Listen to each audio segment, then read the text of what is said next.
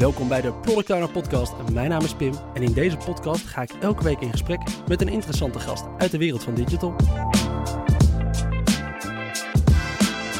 Deze week spreek ik met Arno, Chief Product Officer bij Sana Commerce. Een partij die zich heeft toegelegd op B2B e-commerce, waarbij het ERP-systeem als de motor van de shop fungeert. Klinkt deze naam je nog niet zo bekend? Via al hun webshops wordt bij elkaar jaarlijks meer omzet gedraaid dan door Coolblue en Bol.com bij elkaar. Nog cooler, Waar Arno ooit begon als enige PO op een team van 5 developers, ontwikkelt hij nu met 8 PO's en 150 developers wereldwijd aan dit product. Maar hoe zorg je nou voor succesvolle productontwikkeling als je developers in Nederland, Oekraïne, Colombia en Sri Lanka zitten, met alle cultuurverschillen van dien? We gaan met Arno in gesprek om meer te ontdekken over het groeien van je productontwikkelteams en hoe je deze teams verbonden houdt, ook als ze duizenden kilometers uit elkaar zitten. Arno, het wordt toch één grote rotzooi als je je development naar het buitenland verhuist? Ja, dat, dat, zou je zeggen. Ja, dat is ook altijd de grootste angst als ik andere partijen spreek over dit onderwerp. Ehm, maar eigenlijk ben ik niet anders gewend, want we zijn, ja, wij doen dit eigenlijk al zo lang. We hebben ons Oekraïense kantoor uh, ja, al 15 jaar. En um, ja, Sri Lanka ook al uh, meer dan vijf jaar. En ja, we, zijn de, we weten eigenlijk niet beter. En we zijn eigenlijk ontzettend blij dat we die mensen um, hebben en hebben weten te vinden dat we die kantoren hebben. Ja. Anders hadden we nooit zo hard kunnen groeien. Um, maar ik denk, als ik even de tijd terugdraai, ja? zeg maar 15 jaar geleden, dan denk ik ook dat wij allemaal dit soort vragen ook aan onszelf stelden en super uh, sceptisch waren. Um, maar eigenlijk na een jaar of anderhalf jaar denk ik dat we daar um, daar helemaal niet meer aan dachten. Want ik denk dat dat wel een beetje de grootste strekking is als je tegen een bedrijf zegt, nou, ik denk dat het tijd is om door te groeien, maar mm -hmm. ja, kunnen we niet allemaal schalen met Nederlandse developers, we moeten development naar het buitenland gaan zetten. Ja. Dat wordt toch één grote rotzooi, maar jouw ervaring leerde dat? Nee, nee dus eigenlijk niet. En, en um, ja, je moet, je moet natuurlijk wel uh, een heleboel dingen realiseren en uh, vooraf. Uh, en, en tijdens de reis ook weten aan te passen. Nou ja, we zijn natuurlijk allemaal agile als product owners uh, of product mensen. Um, dus dat zit er natuurlijk er wel in. Maar dan nog steeds um, ja, is, die, was het, is het wel een hele lange reis om, om echt succesvol te worden. Dat uh, zal ik ook nooit, nooit ontkennen. Maar wat denk ik het allerbelangrijkste is, is dat we vanaf dag één ja, echt verbonden zijn met de mensen. En in, in alle opzichten. Dus de mensen die wij, de bedrijven die we daar hebben gestart en de mensen die we daar um, aannemen die voor Sana werken. Um, dat zijn ook echt collega's, zijn ons eigen mensen. Die staan bij ons op de loonlijst, om het zo te noemen. Uh, we werken in die zin niet met, met, met externe partijen. Um, hè, dus dat we die tijdelijk mensen Dat zorgt wel voor een soort van verbondenheid. Precies, omdat ze toch wel onderdeel zijn van een team. 100, 110 procent collega. Net als iedereen in, in welke andere locatie dan ook. En dat hebben we echt vanaf dag één um, aangepakt. En het tweede wat we hebben gedaan is, ja, wel, ik, vond en ik vind nog steeds, hè, want ik zit al een tijdje bij Sana, uh, dat wij echt een fantastische bedrijfscultuur hebben.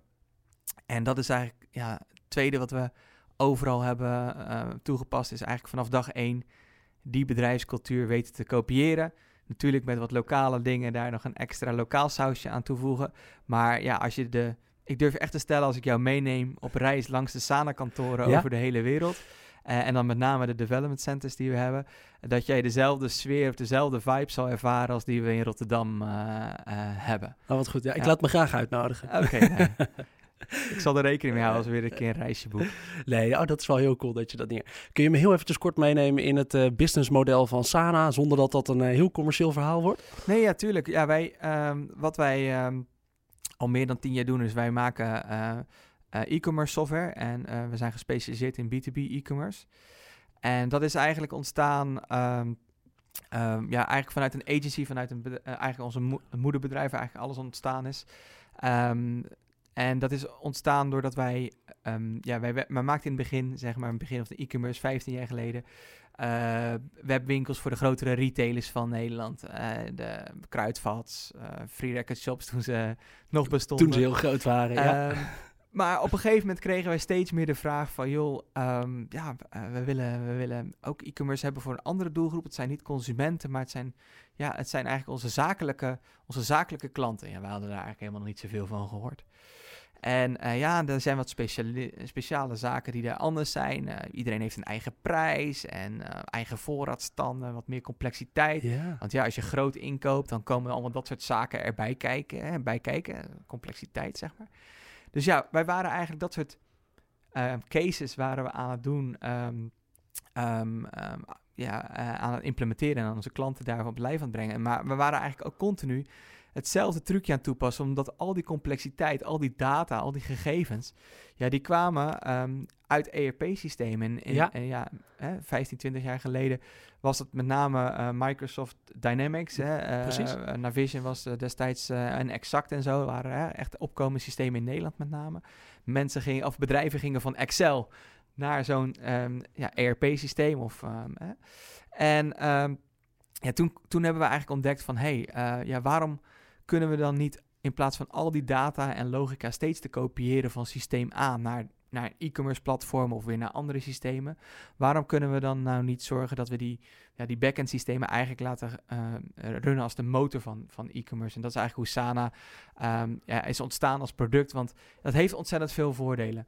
Los van de techniek. eh, Precies, maar het waar ik denk dat in eerste instantie best wel oproept dat er wel wat weerstand op komt. Hoe bedoel je ons ERP-systeem als de motor van een webshop? Exact, er was, er was ontzettend veel weerstand ook. En eigenlijk gingen we daar alleen maar harder van rennen van ja, dat is toch heel traag. Of als je zo'n systeem, dat is er niet voor gemaakt. En ehm, eh, ja, maar is dat dan wel veilig? En eh, ja, nee, we hebben dat systeem hier ergens in de bezemkast van ons bedrijf draaien. Kan het dan allemaal wel als er honderdduizend klanten tegelijk gaan bestellen? Allemaal die waarom-vragen die Ja. consultants altijd heel goed weten te stellen en terecht. Eh, maar dat, daar gingen wij alleen maar harder van rennen door dat juist op te lossen. Want dan los je een probleem op wat anderen ehm, niet eerder hebben opgelost. Hè? En ik denk dat dat ook altijd vaak een kern is van productontwikkeling. Nou, fijn. Sprongetje verder. Dus we hebben dat ehm, toen dat eigenlijk uitgevonden. En wat, wat, wat levert het nou op voor onze klanten? Hè? Dus zo, daar is Sana eigenlijk uit, uit geboren. Dus dat we die logica, die, die data uit die ERP's gebruiken. Nou, dat, dat lost eigenlijk op dat die klanten, die B2B ehm, buyers of B2B consumers, zoals we dat tegenwoordig noemen, eigenlijk een klantervaring krijgen ehm, die, en die supergoed is en die bijvoorbeeld eh, een, geen fouten bevat. Want alles wat in het ERP-systeem zit, zit ook in jouw online eh, webstore. dus bijvoorbeeld, ja, je kan maar, stel je voor dat je als klant ehm, in eerste instantie eh, een telefoongesprek hebt met een vertegenwoordiger van een bedrijf. Je wil iets inkopen, ik noem maar wat, eh, eh, verf of zo. Hè? Je bent een, een schilder en je wil verf inkopen. Dus je belt die, die zaak op en zegt, ja, ik wil veel voor verf hebben. En de ene keer zegt hij, ja, de prijs is dit. Maar dan ga je later op de webshop kijken en dan is die prijs ineens heel anders, Ja, die je niet ja. hebt afgesproken. Zeker met grote aantallen. Ja, dat leidt tot frictie. Dus dat wil je niet. Je wil precies diezelfde ervaring over al die kanalen bieden. En dat is maar één voorbeeld. Uh, maar hetzelfde geldt voor voorraad. Dat het, uh, ja, zeker met, met zakelijke gebruikers is dat super belangrijk. Precies. als je een garage bent en um, er komt een klant en je moet zijn autobanden vervangen. Ja, dan wil je wel zeker weten dat die band die je dan bestelt, dat die er binnen een paar uur is of de volgende dag is. Anders staat die auto van die klant natuurlijk heel lang in die garage. Dus nou, allemaal dat soort aspecten komen allemaal aan, aan kijken. Nou, dan heb ik het nog niet eens over als je groter in gaat kopen, dan heb ik het echt over 10.000, 100.000 of miljoenen euro's aan goederen. Dat er natuurlijk andere prijsafspraken zijn, uh, regelgeving, hè, een, uh, een computer kopen uh, of iets voor een consumer artikel is eenvoudiger dan grondstoffen voor de chemische industrie. Ja. Nou ja, dat maakt het, ja, het domein van B2B e-commerce zo complex, maar ook weer zo uitdagend. En wat wij eigenlijk proberen te doen is dat we die klanten eigenlijk die Amazon of die Bol.com of die Coolblue ervaring geven in die zakelijke omgeving. Want dat is juist ja, wat die mensen ook gewend zijn tegenwoordig. Hè? Als jij moet, iets moet kopen voor een bedrijf, dan wil je diezelfde ervaring hebben als dat je iets koopt privé. Toch? Precies. Dat is, je wil niet een uh, bestelformulier moeten invullen en die moeten ja. sturen per mail en dan hopen dat er voorraad is. Precies, en uiteindelijk zal dat leiden denk ik tot betere klantenrelaties. Zo, zo zien we dat gebeuren bij onze klanten. Eh, dus dat die, die, de relatie met zakelijke gebruikers en, en die afnemers is heel erg belangrijk. Ja, en die betere relaties leiden uiteindelijk tot meer succes. Uh, voor de klanten die wij, uh, die wij bedienen. Um, het dus grootste ja. verschil, als ik het dan goed begrijp, is dat jullie echt het ERP-systeem zelf als een onderdeel van de shop maken. Ja. In plaats van dat er alleen maar koppelingen tussen zitten tussen een webshop en het voorraadsysteem en dat je die probeert te zinken op de achtergrond. Ja, precies. We slaan eigenlijk een paar stapjes over door um, en, en, daarmee zijn we veel beter en efficiënter en Ehm, ehm, en we noemen dat ook wel eens eh, hè, eh, dat, dat je eigenlijk een soort van shortcut maakt. En dat, is, eh, ja, dat heeft gewoon ontzettend veel voordelen voor die, voor die zakelijke gebruikers. En ehm, ja, dat, dat horen we elke keer weer van klanten die overstappen van ja, eigenlijk e-commerce omge- omgevingen die meer voor, ja, voor consumer eh, gerelateerde Ja. zaken zijn geoptimaliseerd. Dat ze zeggen, ja, we kunnen toch niet die ervaring bieden. eh, of eh, die pakketten hebben toch niet de functionaliteit die wij wel bieden. Precies. En, en ja, dat is ook onze focus en daar zijn we goed in. En daar zijn die ja, duizend klanten elke dag super blij mee. Hoe zag jouw rol er in het begin van Sana uit? Toen was je ergens de enige op productontwikkeling met een paar developers. Hoe zag Ja. je rol er toen uit? Ja, dat, dat was echt, echt een start-up vibe. Dat, eh, hè, Sana was ook nog heel klein eh, destijds. Eh, ik denk dat we in het begin echt met een mannetje of nou ja, v- eh, 15, eh 20 waren. Ehm, en nu meer dan 500. Dus ja, je ziet hoe snel dat, hoe snel dat kan gaan. Ehm, maar ja, dan, dan doe je eigenlijk als product owner of als product manager... ehm, doe je eigenlijk zoveel verschillende dingen. Eh, hè, je, je rol is zo ontzettend breed. Ehm, je bent je bent eigenlijk ook een halve sales, want we hadden nog niet zoveel salescapaciteit. Hè? Dus eh, je ging met ja, de helft van de salesgesprekken wellicht mee om eh, iets in, inhoudelijks Om ook ook te kunnen en- en productinformatie op te halen. Ja. ook om informatie op te Ja. halen en ook om het te verkopen. Ehm, je was wellicht misschien ook nog een support als er hè, problemen waren. En uiteindelijk moest je ook nog het product doorontwikkelen. Dus ehm, ja, een, een van alles. En ehm, ja, eigenlijk met, het, met, met, ja, met, met de reis, met schalen van, van, van productontwikkeling... ga je eigenlijk ook steeds meer ehm, ja, specialisatie toevoegen... en, eh, en daardoor optimalisatie eh, toepassen. Dus dat je zegt van ja, oké, dit is meer een, een team of teams die zich bezig houden, gaan houden met, eh, met een bepaald deel van de applicatie of met een bepaald proces ehm, binnen Sana. Bijvoorbeeld eh, het uitrollen van stores of de hosting ervan of, eh, of, of iets anders. Ehm, ja, en zo schaal je dat verder. Ja, precies. Neem even mee in dat, in dat schalen van je productontwikkelteams. Want volgens mij, ja, dat is vaak wel even een moeilijke stap. Je probeert wel developers kun je aanhaken. Ja. Maar op een gegeven moment loop je toch tegen het probleem aan dat je, ja, je had één team waar iedereen in samenwerkte. Ja. Maar ja, met 30 man in één team wordt het een beetje onrustig. Ja. Hoe ziet die schalingsfase eruit en wat heb je daar echt van geleerd? Ja, nou ja, wij, bij ons ehm, is, je, je kan natuurlijk op meerdere manieren schalen, maar in eerste instantie waar de schaal, eh, wanneer het, eh, het starten van het schalen is ontstaan, is eigenlijk ook vanuit een, een, een, een commerciële drive of we zagen kansen. Hè, we hadden zeg maar die uitvindingen gedaan of die, hoe je het noemt, eigenlijk de ontdekking gedaan van die ERP-integratie levert gewoon heel veel op voor die klanten. En ehm, eh, dat hadden we op, één ecosysteem of één type eh, ERP gedaan. En dat was ja, Microsoft Dynamics eh, toen de tijd op. En dan ook nog één subsysteem daarvan.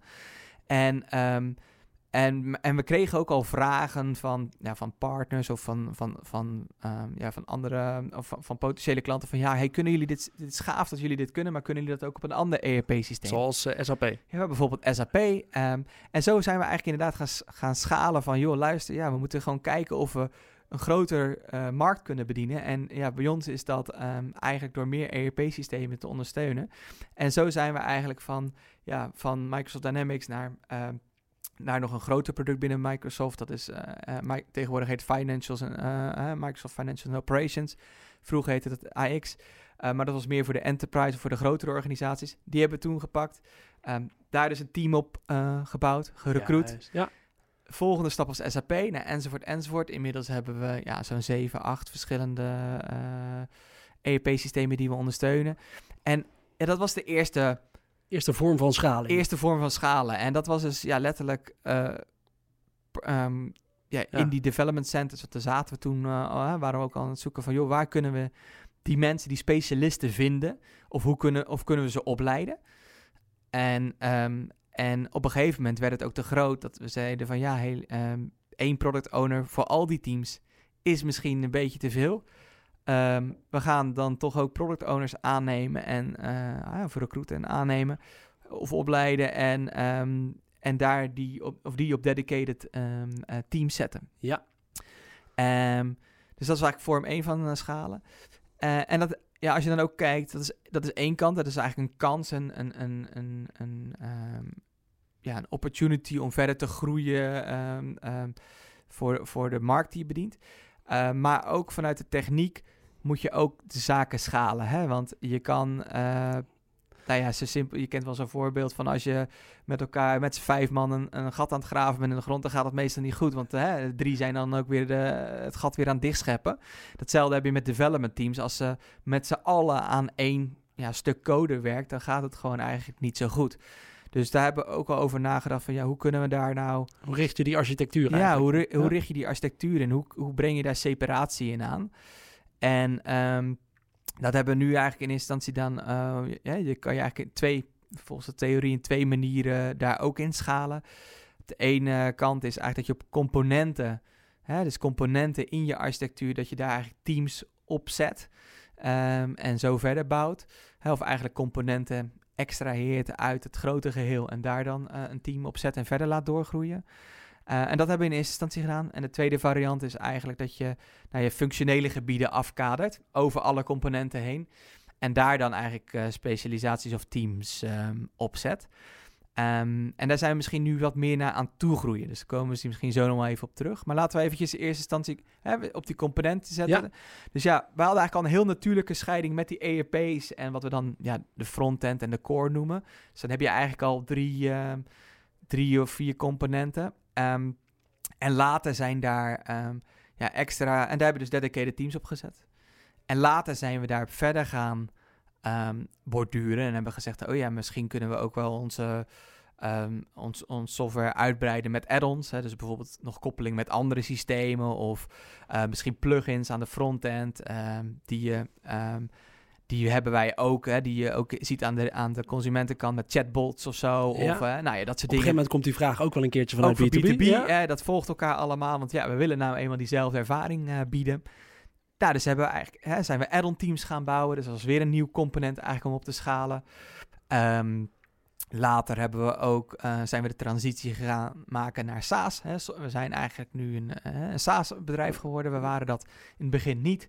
Ja. Uh, software as a service. Precies. Waar, hoe zag die grote slag daarin, eh, of hoe was voor jullie het grote verschil daarin? Tussen een beetje misschien wel die managed service en SaaS Ja, dus nou, we, we zijn eigenlijk van origine begonnen dat... Um, uh, dat we de software eigenlijk als een pakketje uitleverden. En nou, nog net niet op CD-ROM volgens mij. Dat hebben we wel overgeslagen. waren we later. Maar hè, als download of dergelijke. En dat kon je dus installeren op uh, ja, 9 van 10 keer toch een omgeving van de klant destijds ja. nog. Ik zei net al, die ERP-systemen die draaiden. Uh, bij het midden- en kleinbedrijf. In of de bezemkasten. in de bezemkasten, ja. En later is dat heel snel geprofessionaliseerd naar, nou ja, naar datacenters die waar die uh, klanten mee samenwerkten of met de partners die wij uh, die onze software voor ons ook verkopen. Um, en op een gegeven moment kwam natuurlijk de hele cloud um, movement. Uh, ja, dat is toch ook alweer tien jaar geleden, denk ik, acht jaar geleden, dat we daar ook echt wel op gingen, op gingen aanhaken. Dat we zeiden van, hey, daar moeten we ook in mee. En toen zijn we al vrij snel, zeg maar, van ja, onze eigen um, hostingcentra, of die centra van de klant, naar in, ieder, in eerste instantie naar onze naar, naar, uh, naar de cloud gegaan, dus naar de publieke cloud. Uh, ja. uh, in dit geval Microsoft Azure in, in het begin. Check. En um, maar dat betekent nog niet dat je software as a service bent. Dan leef je eigenlijk nee. alleen nog maar de hosting ja. mee. En toen qua zeiden van ja, maar dan um, hebben we nu heel veel klanten en die wilden ook elke keer wat anders. Dus we leverden ook eigenlijk net zoveel services mee om dat allemaal aan te passen. Uh, voor die klanten hadden we eigenlijk allemaal specifieke omgevingen voor die klanten. Nou, dat, dat was heel mooi om zo snel te kunnen groeien. En ja, we hebben daar ook heel veel klanten. een nachtmerrie als het gaat om updates. Maar, en, de, uh... maar toen kwam er inderdaad hè, de nachtmerrie van de updates en de upgrades. En, um, en toen zijn we um, ja, echt vol gaan investeren en ingezetten van joh. We moeten echt naar een SaaS-oplossing en um, die altijd up-to-date is, die automatisch upgrade. En inmiddels is dat 75% van onze nieuwe klanten die bij ons komen, die, die kunnen gelukkig op dat platform. B2B is nou eenmaal nog wat, ja, vereist echt nog veel aanpassingen en specifieke zaken, omdat soms ja, de, de bestelprocessen gewoon complexer zijn of specifieker. Snap ik, ja. Maar uh, ja, ik denk dat we echt wel uh, flinke slag aan het zetten zijn in die, in die, in die reis. Dus ja, we zijn echt zo'n typische... Um, ja, je hebt eigenlijk twee typen bedrijven in ons, hè, in, die, in, in ons segment. En die softwarebouwers, hè, die ISV's zoals dat ook wel heet. Je hebt bedrijven die eigenlijk helemaal uh, vanaf scratch konden beginnen op SaaS, hè, zeg vijf jaar geleden, zes jaar geleden, misschien nog iets eerder. Ehm, maar wij kwamen echt nog met een, met een legacy mee van klanten die we toch ook echt wel wilden meenemen in die reis. Ja, en die, die zware opgave hebben we gedaan, maar daar zijn we nu toch echt wel ehm, eh, succesvol aan het worden. En ja, het is gewoon nu super tof om te zien dat al die klanten ja, nu elke uh, zoveel dagen gewoon ja, eigenlijk continu up, updaten en nieuwe features krijgen of, uh, of fixes. Ja, dat is wel echt een, uh, een oplossing die je dan zoekt. En, en continu maar... kunnen groeien. Hè? Wij noemen dat evalueren of hè, constant evolution op het, um, met het product en, en, en, de, en de reis die zij zelf aan het maken zijn op B2B e-commerce gebied. Ah, gaaf. Ja, dat is wel even een grote stap om als partij te maken. En zeker ja. lijkt me met B2B-klanten om die mee te krijgen in het verhaal. Hey jongens, zeker. jullie gaan werken met een, een volledige online service. En ja. uh, niet meer met een systeem wat op jullie eigen, ja. eigen devices draait. Hey, en daar, ja, daar hoort weer, dat maakt het wel makkelijker om te gaan schalen. Maar dat betekent wel dat je meer naar één product toe gaat. Precies. En dan moet je weer je teams een beetje op een andere manier gaan onderverdelen. Precies. En dat is dan weer de volgende stap in de evolutie ook van onze eigen teams. Is dat je zei, ja, er kwamen ook weer nieuwe teams bij. Hè, dus met name op het gebied, wat noemen dat, uh, platform. Uh, in, in het verleden kun je het misschien hosting noemen, maar eigenlijk platforms zijn eigenlijk alle ondersteunende mensen of alle ondersteunende teams die ja, de infrastructuur, um, de provisioning, dus het uitrollen van nieuwe klanten, het up, automatisch updaten van klanten, um, eigenlijk al die zaken, um, monitoring erop, die nemen zij voor een rekening. Eigenlijk automatiseren ze dus alles. Hè? We doen niks meer met de hand. Uh, waar het in het verleden wel uh, gebeurd is, echt alles gaat. Uh, ja, wordt in die teams wordt geprogrammeerd of wordt, wordt geautomatiseerd. want ja, je moet het allemaal doen op die grote schaal. Dus dan kan je het ook allemaal niet meer met de hand doen. Um, dus dat is één kant. En dan twee is, ja, als je nu steeds... Um, um, hè, we, we komen van componenten. Ja, zijn we nu echt de reis aan het maken dat we ja, voorzichtig de teams aan het herstructureren zijn uh, of ja, subteams of misschien virtuele teams aan het bouwen zijn. Die meer op functionele gebieden zitten. Of misschien zelfs nog wel een stapje verder op iets wat we noemen value streams. Dus dat bepaalde richtingen, uh, hè, toegevoegde waarde voor klanten. Dat we daar helemaal multidisciplinaire teams op zetten. En dan niet, niet eens multidisciplinair in de zin van, joh, je hebt een front-end developer en je hebt een back-end developer en je hebt een QA-engineer of en ja. een tester uh, en UX-designer. Nee, dat je misschien zelf, dat we misschien zelfs ook al sales en marketing en support en die developers in dat team. Meetrekken in het team. En dat hebben we, ja, eigenlijk zijn we dat nu aan het doen met, met wat we noemen nu de SaaS-acceleratie. Dus ja, om ervoor te zorgen dat al die klanten gewoon op SaaS kunnen, werken we eigenlijk samen met de product owners, sales, uh, marketing, uh, maar ook support en, en wat wij noemen dan delivery, uh, om, dat, om dat te bereiken. En, um, en we zijn het nu voornemens om dat ook verder uit te gaan rollen, bijvoorbeeld voor, um, om klanten sneller te laten onboorden. Dus ja, wat kunnen we nou doen door met slimme koppen bij elkaar te gaan zitten? Dus niet alleen development, niet alleen multidis multidisciplinair development of product ownership, ja. maar ook sales en marketing. En gewoon met één missie van, joh, laten we nog beter of nog sneller die klant Um, uh, of de tijd verkorten dat ze de eerste value, hè, de eerste waarde ervaren. Um, uh, en wat het dan precies is, ja, dat, is, dat uh, verschilt een beetje per klant. Maar dan kan je bijvoorbeeld zeggen, wil, is dat dan de eerste order die je inlegt? Of dat je online gaat met je store? Of dat je het succes overschrijdt van de, de vorige B2B-platform wat ze hadden, of e-commerce platform wat ze hadden. Nou ja, dat is, hè, maar dat verkorten, dat is dan bijvoorbeeld weer een volgende value stream waar je over na zou kunnen Hoe trek je al die koppen bij elkaar? Is dat dan gewoon in een wekelijkse meeting uh, iedereen bij elkaar trekken en, uh, en daar één soort lead op zetten? Ja, dus eigenlijk uh, in één zin is het wel zo simpel als dat en, en, en blijkt toch eigenlijk altijd wel heel goed, um, goed te werken, maar er zitten nog wel wat stapjes voor. Um, en dat is misschien ook nog interessant om te vertellen. We zijn, los van dat wij, hè, als we het over productontwikkeling en development hebben... Uh, zijn we eigenlijk al vanaf dag 1 uh, agile. Um, super fan en ook um, Scrum eigenlijk in het begin heel strak en goed gevolgd. Misschien zijn we nu wat meer naar Kanban aan het gaan, maar dat is dan misschien... Ik vind eigenlijk ook, ja, je moet eigenlijk gewoon het beste van het is altijd cherrypicking, toch? Precies, ja. cherrypicking. Als het maar die agile uh, fundament heeft, en dat heeft het zeker bij ons. Volgens mij is het heel zonde om binnen een organisatie te gaan niften op bepaalde regeltjes. Precies. In plaats van nee. gewoon te cherrypicken en agile te zijn exact. en gewoon aan te passen op wat je ziet, ja. op uh, wat wel werkt en wat ja, niet werkt. Hè? En um, maar daarnaast hebben we, hè, dus dat, dat hebben we eigenlijk al vanaf, vanaf dag één. Maar eigenlijk, ja, zo'n jaar of zes, zeven geleden hebben we eigenlijk ook nog een tweede methodologie ontarmd en scaling up, of Ja. Rockefeller Habits. En dat heeft eigenlijk niet, dat heeft ehm, eigenlijk meer ook over hoe je bedrijven zeg maar gecontroleerd laat schalen, zeg maar. Eh, ook met ritmes, hè, dus me- meeting rhythms eh, zijn bijvoorbeeld belangrijke pilaren daarin. Verantwoordelijkheden natuurlijk ook.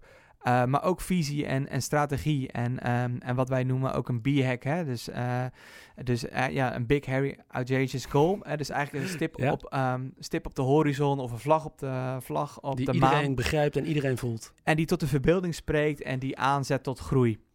En eigenlijk die combinatie, voor mij was het echt een eye-opening moment die ik hetzelfde had ervaren toen wij, eh, nou ja, hè, in, de, in het begin met Agile eh, werden geconfronteerd van, joh, hè, van waterval naar Agile was echt zo van, wauw, dit is echt super, dit, dit is tof, dit, hier kunnen we echt, dit is gewoon nieuw. En dat had ik zelf daar eigenlijk ook wel een beetje met scaling up, dat ik dacht van, ja, dit is nog een extra laagje daarbovenop. Nou, fijn. Daarmee zetten we kwartaaldoelen, jaardoelen, drie jaar vooruit natuurlijk. Nou, destilleren we eigenlijk in die andere volgorde terug. Dus nou Ja. ja, hè, vijf, eh die BIAC, drie jaar terug, of drie jaar vooruit, een jaar vooruit en dan een kwartaal. Ja. Met de hele organisatie. En daaruit ontstaan eigenlijk strategische doelen of programma's. eh, OKR's noemen ze, Objective Key Results.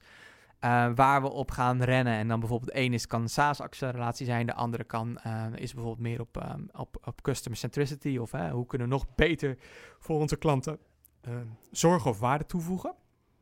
Ehm, en dan gaan we teams samenstellen die ja, multidisciplinair zijn. En over alle afdelingen van de, ja, 9 van 10 keer over alle afdelingen van de organisatie gaan.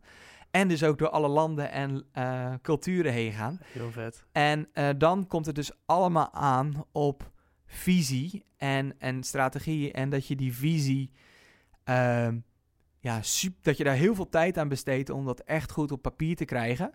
Eh, en super, eigenlijk ook super verbeeldend kan maken, maar ook super simpel kan maken. En herhalen tot, tot in het einde der tijden. Dus elke meeting daarmee starten. En niet alleen de productvisie, maar ook de bedrijfsvisie en hoe die Ja. twee aan elkaar gelinkt zijn. Ja, en hoe zo'n OKR of zo'n eh, zo'n company OKR ehm, ehm, of ROCs, hoe ze het eigenlijk in de Rockefeller Habits noemen. Ja, hoe die daarbij aansluiten. En dat je dan met dat team een kwartaal en soms een jaar, soms meerdere jaren, ja, gaat rennen. En eigenlijk met meeting rhythms, dus ja, in een denk ik een hele toffe vibe, eh, probeert voortgang te maken op die topics. Ja, tof. Hoe vieren jullie successen? Uh, klein en groot. Dus, um, en, um, en ook, onderdeel, als, ook als onderdeel van de cultuur.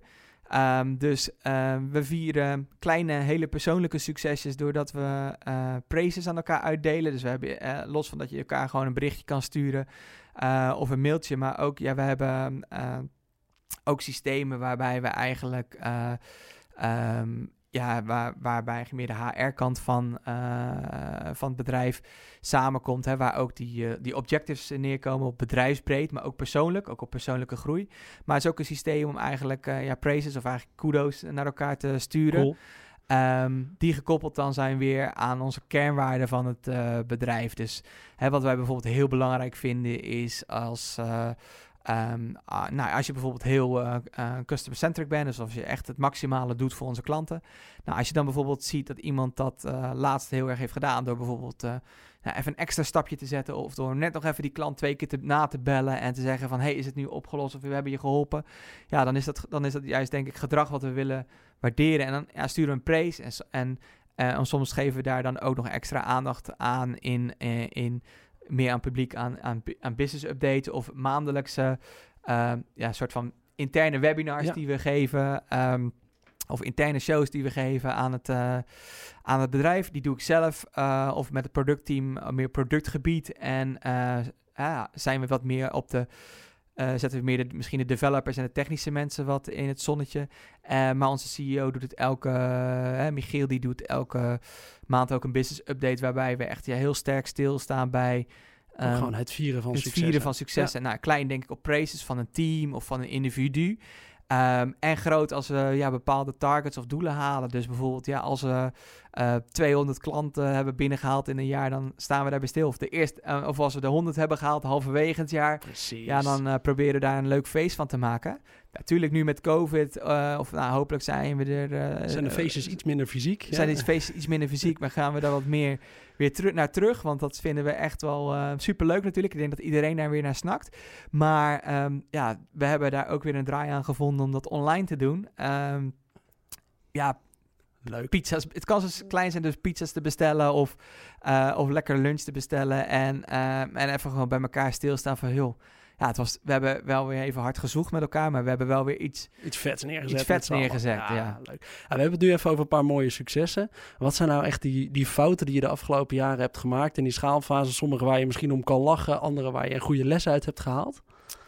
Ja, de, ik, denk, ik denk dat ehm, het belangrijkste is dat je ehm, bij het schalen, en als we het dan even over de development centers hebt, ehm, je kan niet, ehm, ehm, je, kan, je, kan, je moet zorgen dat je echt superveel in die mensen investeert en ook gewoon aan de menselijke kant dat je gewoon in contact bent en dat je er naartoe gaat.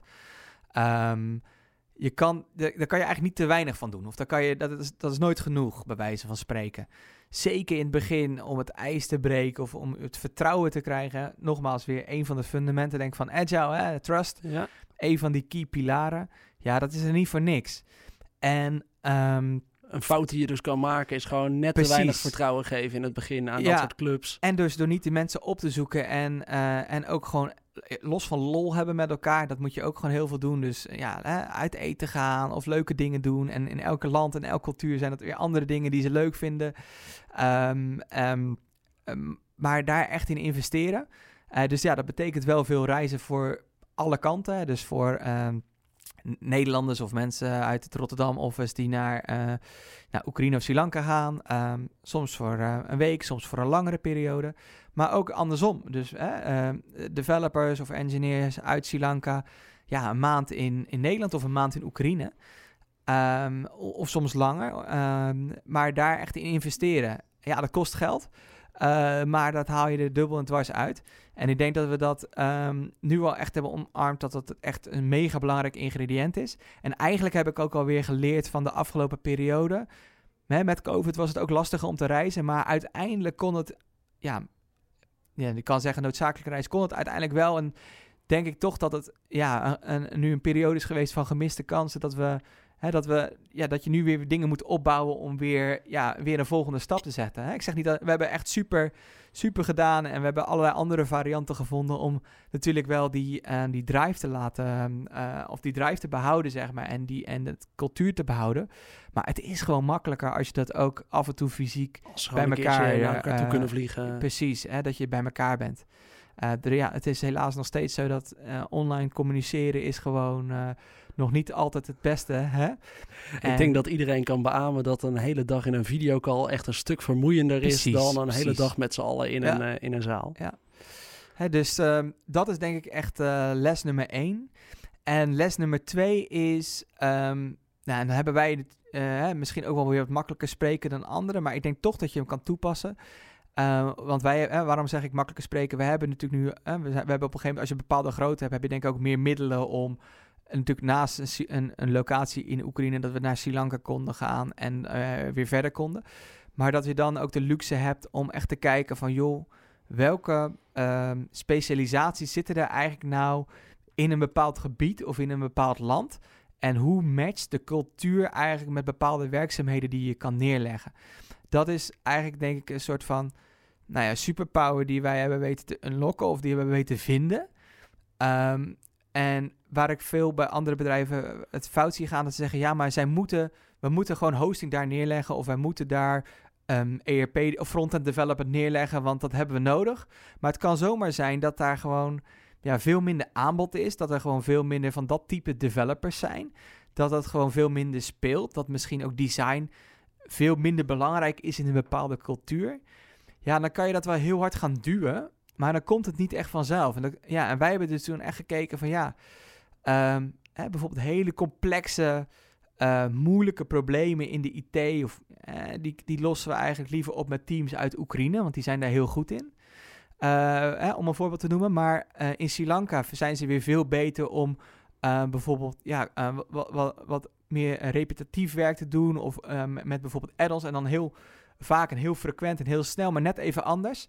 Um, en op een heel hard uh, tempo. En, dat, um, en, en, misschien ook iets meer met contact met klanten. Ja, daar, waren, daar zijn ze in Sri Lanka gewoon weer uh, beter in. Hè? En het heeft niks te maken met ja, een, een, een persoon uit Oekraïne of uit Sri Lanka is ja, precies, Het is geen ander. willen. Oh, nee. nee. het is gewoon hoe haal je het, het maximale uit, me, uit de mensen door ze, ja, ze in hun waarde uh, helemaal volledig in te zetten in hun waarde en en in, en in toegevoegde waarde en in skills ja, optimaal te laten nou ja, floreren binnen het bedrijf, zeg maar. En Colombia heb je er dan ook nog bij? Ja, Colombia hebben we er ook nog bij. Uh, die zijn we ja, ook een paar jaar geleden gestart, met name omdat we hard groeiden in de uh, Amerikaanse markt, Noord-Amerika. Nou ja, je kan begrijpen dat uh, tijdzoneverschil tussen Oekraïne en ehm, Amerika al wat is, maar laat staan Sri Lanka en um, Amerika. Dus ook daar uh, een, een, center neergezet.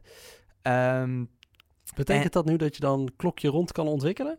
Ja, nou, in ieder geval support. Hè? Ja? Dus uh, we kunnen de klant vragen uh, helemaal follow the sun, sun, zeggen ze wel eens. Hè? Dus volg de zon. dat kunnen we echt wel.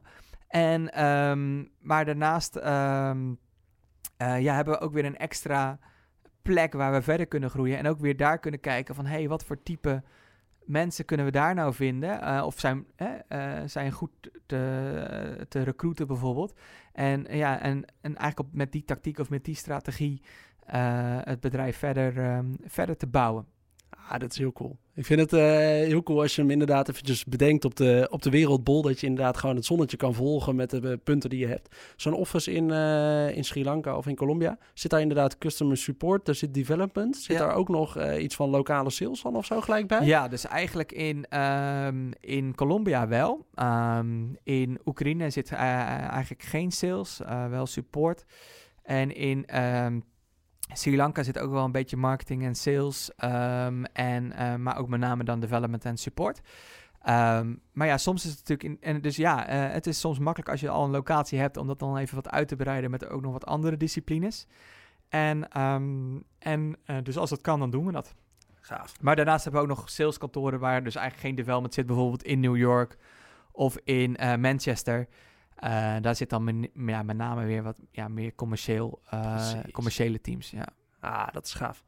Hey, die, uh, ik kan me voorstellen dat je dus inderdaad ook al probeer iedereen bij elkaar te trekken. Je laat iedereen overbruggen. Maar als je nieuw begint in Sri Lanka met ontwikkelen of in Colombia begint met ontwikkelen, dan heb je wel even wat cultuurverschil met Nederland. Jazeker. Ja. Ehm, wat zijn nou echt van die typische cultuurverschillen die je zijn opgevallen waarvan je zegt, ah, die, die moet je gewoon onthouden? Nou ja, het is, ten eerste, het allerbelangrijkste voordat je daaraan begint, is eigenlijk, uh, en misschien ook van een van de zaken die wij beter hebben weten te, of beter zijn gaan begrijpen, is dat je, die cultuurverschillen zijn er gewoon. Dus daar moet je dus rekening mee je houden. Je kan dat niet veranderen. Dat kan je niet veranderen. En, um, en die moet je, daar moet je ook tijd in aan besteden om die gewoon supergoed te begrijpen met elkaar. En daar hebben we dus ook trainingen voor. Um, en dat zijn eigenlijk ook hele leuke trainingen. Um, er zijn ook hele mooie boeken over. Wat moet ik me voorstellen bij zo'n training? Nou, dus dat, je, dat we gewoon uitleggen van... joh, luister, uh, met allerlei situaties van... dit is hoe Sri Lanka bijvoorbeeld verschilt met Oekraïne. Uh, om een voorbeeld te geven is dat in, um, ja, in zowel Oekraïne als in Sri Lanka... is het team eh, een van de belangrijkste zaken um, die er is, weet je wel. Het teamgevoel. dus het team wordt altijd soort beschermd in die zin. Um, waarbij um, Oekraïne zullen ze uh, bijvoorbeeld zeggen als ze het niet eens zijn met de product owner, dan zullen ze daar vol gas uh, tegenin gaan en tot in het uh, um, stuggen misschien wel, hè, dat de product owner in Nederland of in, in, in, in Amerika bijvoorbeeld ervaart van, joh, ja, die voel ik wel, ja, ja. jullie zijn zo stug, dit gaat nooit, jullie willen nooit veranderen. Hè? Uh, nee, ze doen dat omdat zij uh, waarschijnlijk vanuit hè, een cultuur zeggen van, nee, ja, we moeten juist ook echt kritisch zijn, want da dan kunnen we het beste bereiken of zo. Terwijl in Sri Lanka zeiden ze van ja, ook in de hiërarchie en hoe dat vroeger, of, of hoe dat eigenlijk is ontstaan, of hoe mensen zijn het heeft met heel veel zaken te maken. Zij hebben denk ik te kort tijd vandaag om maar, hè, uit te leggen. Maar hoe mensen een educatie hebben genoten. Of hoe, hoe de opvoeding ja. is thuis. Ja, nou, dat is niet de bedoeling dat je nee zegt. Nee, precies. Het is niet de bedoeling dat je nee zegt. Dus ja, ja zo'n Sri Lankaans team die zegt overal dan weer ja op. Hè? Nou, dat is een typisch voorbeeld. Um, maar het kan ook in hele kleine eh, dingen zitten in hoe eh, ja, eh, mensen iets zeggen of in bepaalde woorden die ze gebruiken. Nou, als je daar nou bewust van bent en, eh, dat op, eh, en, en, en daar, ja, je daar een beetje in verdiept en ehm, het eigenlijk omarmt als iets heel moois, dan, ehm, ja, dan is het denk ik eigenlijk alleen maar heel erg leuk. En dan ga je zal je nooit in die frustratie raken, waar ik, wat ik gewoon bij heel veel organisaties eh, soms zie gebeuren. Van als een ja, offshoring of nearshoring of wat dan ook, een development center na, eh, anders dan hun eigen gewende cultuur gaan toepassen. Ja, dan, dan schiet de frustratie al heel gauw in. En dan krijg je dat wij zeiden van ja, maar wij hebben het altijd zo gedaan en dat ging veel sneller. En noem het allemaal maar op. Ja, dat is gewoon, daar ga je nooit verder komen. Nee, je moet echt tijd erin steken om die andere cultuur te willen begrijpen, hun werkmanier te begrijpen en daar ook op aanpassen hoe je Ja. je wensen die kant op stuurt. Precies, ja. Dus, ehm, en als je dat, ehm, ja, die skill beheerst, of als je, dat, als je daar tijd aan besteedt, dan denk ik dat je, ehm, eh, dan dat, dat je heel veel zal, zal brengen. Ja, super tof. Hey Arno, volgens mij hebben we echt een paar hele leuke dingen aangestipt. Eén, hoe groeien nou je productontwikkelteams Ja. van een klein lokaal team in Nederland naar met je eerste developers inderdaad in Oekraïne. Nou, hoe pak je die nou door naar andere delen van de wereld? Hoe ga je eigenlijk om met cultuurverschillen? Ah, hoe belangrijk is het misschien wel dat je mensen ook de kans biedt om binnen jouw bedrijf te komen in plaats van maar als een externe hub ergens te werken en Ja. het gevoel te geven dat ze bij je team horen? Wat is nou eigenlijk de grootste les die je 18-jarige Arno zou meegeven met alles wat je nu weet? Ehm ja, dus eh, uiteindelijk denk ik dat ehm, de, de allergrootste les is dat je ja, echt moet investeren in je mensen. Hè, dat, is, dat, blijft, dat wordt heel vaak gezegd natuurlijk. Maar daar, zeker bij een softwarebedrijf of eh, bij organisaties waar je natuurlijk eigenlijk waar je je, je, je, je core of wa- wat je aan het maken bent door mensen wordt gedaan. Ja, dan, dan kan je dat nooit eh, te weinig doen. Eh, dus ja, los van eh, hè, mensen aandacht geven of kansen bieden, maar er echt te zijn, ehm, interesse tonen, ook ja, eigenlijk ehm, als je er bent, ook echt van het land wat probeert te begrijpen. Ehm, je, je echt betrokken eh, voelen en zijn, dat is denk ik echt het allerbelangrijkste wat je, eh, als je zeg maar, het belangrijkste les als je internationaal wil groeien en wil schalen. Ehm, zou ik dat nog steeds. ehm, Zou je eh, jezelf dat wel als tip hebben meegegeven ja, toen de tijd? Zou ik daar nog meer. eh, en probeer ik ook elke dag mezelf af te vragen: van ja, hè, wat kan ik nog meer doen? Of wat kunnen we nog meer doen? Wat, wat is iets nieuws wat we kunnen proberen? Ah, gaaf. Hey Arno, ik vond het super tof dat je hier was in de, in de aflevering. Ik heb in ieder geval weer wat toffe dingen geleerd over hoe je dit nou verder opschaalt. En echt wel eventjes een andere kant gezien van, eh, van sommige situaties. Niet blijven hangen in het gevoel dat iedereen maar roept... ja, nearshoring of offshoring, eh, dat is toch allemaal moeilijk? Ik vind het heel mooi hoe je dat hebt kunnen tackelen vandaag. Eh, als mensen nog vragen hebben naar aanleiding van deze podcast... eh, kunnen ze je dan een bericht sturen via LinkedIn? Ja, zeker. Nee, eh, altijd ehm, leuk om mensen te ontmoeten en, over, en verder te spreken over productontwikkeling of product development. Dus Zoek hem Ja. eventjes op. Arno Ham op, op LinkedIn. klopt. Ah, super. Hey, dan bedank ik iedereen ook weer voor het luisteren naar deze podcast. Of je nu in de auto zat, onderweg was met de trein... of dat je hem even thuis tijdens het studeren op hebt gezet. Ehm, dan bedank ik ook nog eventjes de dames van de Breda University... die ons weer hebben geholpen met het opnemen van deze studio... eh, van deze podcast en het gebruik van de studio hier. Heb je nou nog vragen aan mij naar aanleiding van deze podcast... dan mag je me ook zeker eventjes een mailtje sturen op pim.productowner.nl. Wil je nou nog meer afleveringen luisteren? Nou, vind je die waarschijnlijk op je favoriete podcastkanaal of op productowner.nl slash podcast. En dan hoop ik dat je de volgende aflevering weer luistert. Tot dan! Yes, dankjewel.